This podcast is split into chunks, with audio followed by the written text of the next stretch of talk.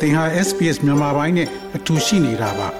sbs.com.au/burmese မှာပုံမထူးခဲ့တဲ့သတင်းစာမားတွေကိုရှားဖွေပါ SBS မြန်မာပိုင်းကို အင်ကာနဲ့စနေနေ့ည10:00နာရီမှနားဆင်နိုင်တယ်လို့အွန်လိုင်းကနေလည်းအချိန်မီနားဆင်နိုင်ပါပြီ။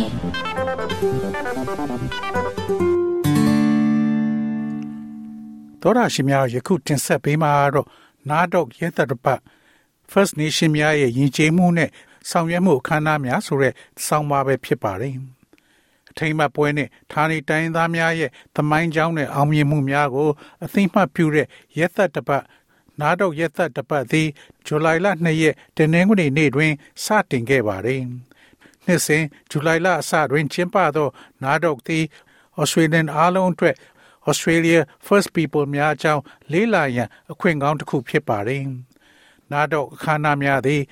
စုပေးပွဲများဖြင့်စတင်ပါတယ်။ယခုနှစ်တွင် နားတော့အပတ်စုအတွက်နိုင်ငံတော်ဝန်မှစကားတင်အယောက်200ထဲမှရွေးချယ်ခဲ့တာဖြစ်ပါတယ်။ရခိုင်နိုင်ရရှိသူများသည် tennis အကျော်မော Ash Party နှင့်သရုပ်ဆောင် Uncle Jack Charles တို့ပါဝင်ပါတယ်။ထို့နောက် ရသတ္တပတ်အတွင်းနိုင်ငံတော်ဝန်လုံးရှိ အခမ်းအနားများတွင်ပွဲတော်များပြပွဲများနှင့်ဖျော်ဖြေပွဲများဆက်လက်ကျင်းပလျက်ရှိပါတယ်။ကိုပွဲကိုကိုစီစဉ်လို့ရပါတယ်။တရားဝင် နေတော့ website များသည် အဖွဲ့အစည်းများနဲ့တူးချင်းအတွက်အကြံပြုချက်များကို ပေးပါတယ်။ယခုနှစ်ဆောင်ပုဒ်မှာကျွန်ုပ်တို့ရဲ့သက်ကြီးရွယ်အိုများအတွက်ဖြစ်ပါတယ်။ Aboriginal ယဉ်ကျေးမှုတွင် သက်ကြီးရွယ်အိုများသည့်အလွန်အရေးကြီးပါတယ်။၎င်းတို့သည်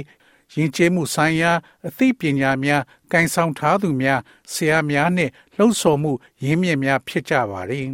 ။ဝါရဂျူရီနှင့်ဂမ်မီလာတို့အမျိုးသမီးစင်နီတက်တို့မှပညာရေးနှင့်လူမှုရေးလုပ်ငန်းကျောင်းမှအကြီးတန်းကတိကအမျိုးသားနေတော့ကော်မတီရဲ့ခေတ္တတွဲဖက်ဥက္ကဋ္ဌဖြစ်တဲ့အန်တီဒေါက်တာလင်းနစ်ရာလီက နာတော့ရဲ့တရားဝင်ပုံများကိုရှင်းပြခဲ့ပါတယ် Our elders are our driving force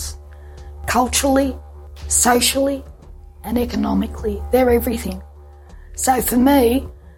I'm being driven by what our elders have asked us to do in the past ကျွန်ုပ်တို့ရဲ့တက်ကြီးတွေကိုများသည့်ယဉ်ကျေးမှုအရာလူမှုရေးနဲ့စီးပွားရေးအရာကျွန်ုပ်တို့ရဲ့မောင်းနှင်းအားများဖြစ်ပါတယ်။သူတို့ဟာအရာအလုံးပါပဲ။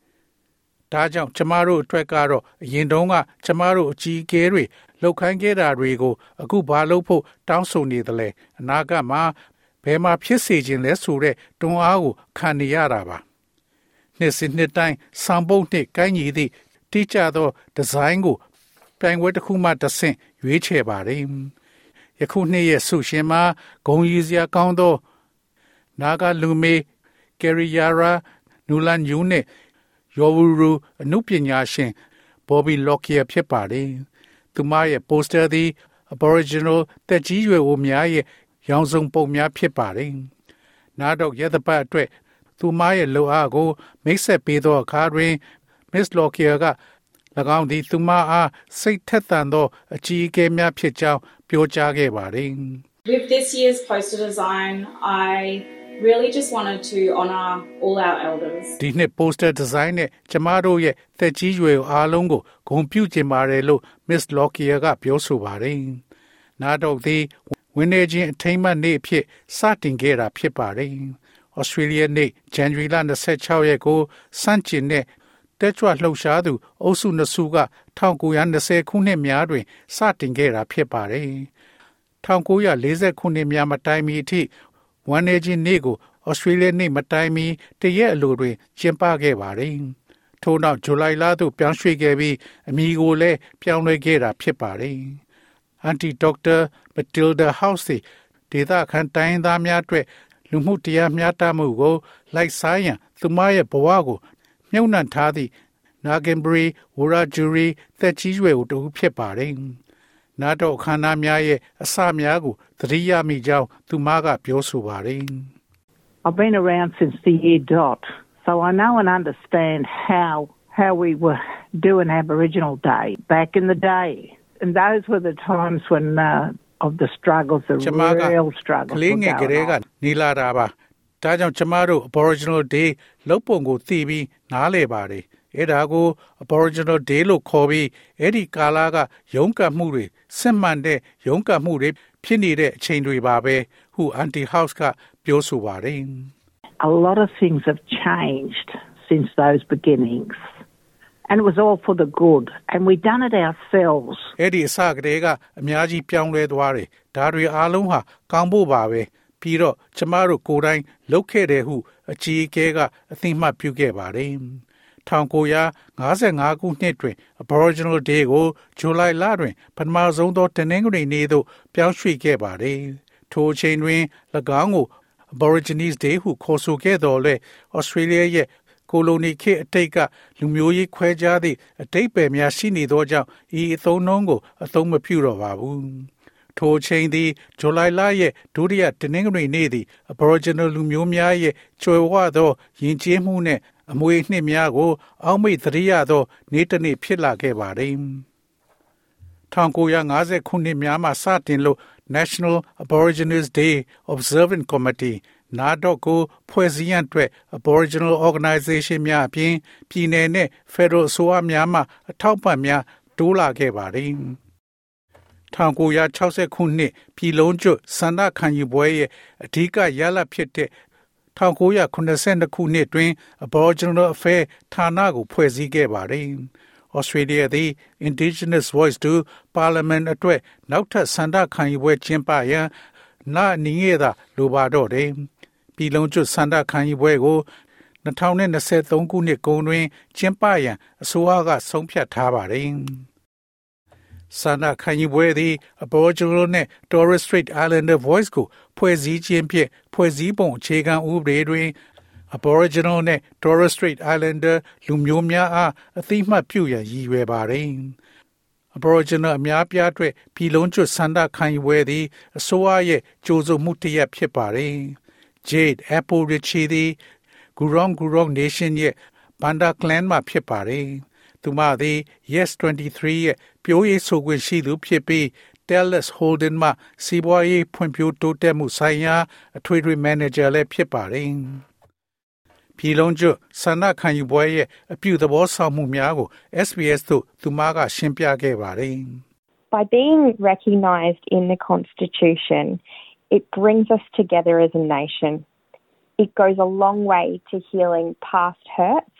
and it provides an opportunity ဖွဲ့စည်းပုံအခြေခံဥပဒေကအသိမှတ်ပြုလိုက်တာနဲ့တမျိုးသားလုံးစီလုံးညီညွတ်စေတယ်။အတိတ်ကနာကျင်မှုတွေကိုကုစားဖို့ဝေးကွာသွားပြီးကုစားဖို့အခွင့်အလမ်းတွေပေးပါတယ်လို့ Miss Apple Richie ကပြောဆိုပါတယ်။သူမသည်ယူလူရုထုတ်ပြန်ချက်ကို ထောက်ခံသူဖြစ်ပြီးဖွဲ့စည်းပုံအခြေခံဥပဒေတွင်ကိန်းဝတ်နေသော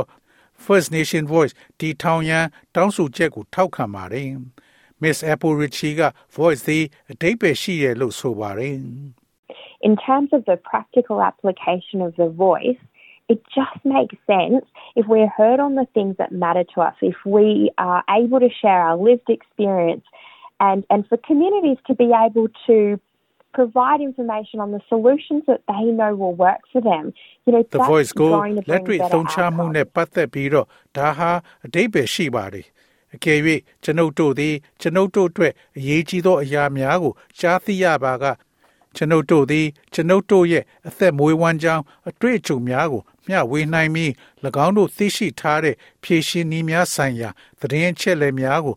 ပေးဆောင်နိုင်စေရန်လူမှုအတိုင်းဝိုင်းများအတွက်၎င်းတို့အတွက်အကျိုးရှိမှာဖြစ်ပါတယ်။ပုံမကောင်းမွန်တဲ့ရက်လက်တွေကိုစောင့်ကြည့်ပေးမယ်ဆိုတာကိုသိပါတယ်လို့ပြောဆိုပါတယ်။ သို့သောပြည်လုံးကျွတ်ဆန္ဒခံယူပွဲကိုစန့်ကျင်တဲ့ Aboriginal အတိုင်းဝိုင်းအတွင်းတွင်လည်းအသံများထွက်ပေါ်လာခဲ့ပါတယ်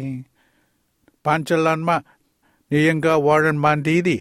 UN နဲ့ကမ်ဘကာ people မှဆင်းသက်လာသူဖြစ်ပြီးစီးပွားရေးသမားနိုင်ငံရေးဗျူဟာနဲ့ဌာနေတိုင်းရင်းသားရေးရအတွက်ထောက်ခံသူဖြစ်ပါတယ်။ The Voice ကလာမယ့်လတွေမှာဘာဖြစ်လာမလဲ။ သို့သောအနာဂတ်တွင်မြည်တို့ပင်ဖြစ်စေရက်သက်တစ်ပတ်ကဘာပေါ်တွင်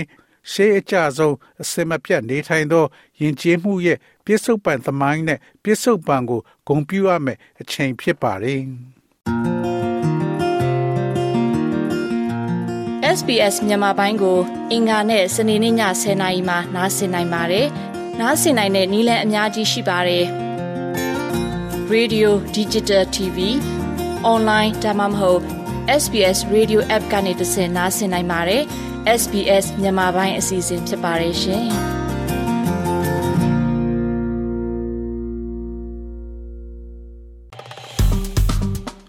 SPS မြန်မာပိုင်းကို Facebook ပေါ်မှာ like ရှာပြီး like မျှဝေမှတ်ချက်ပေးပါ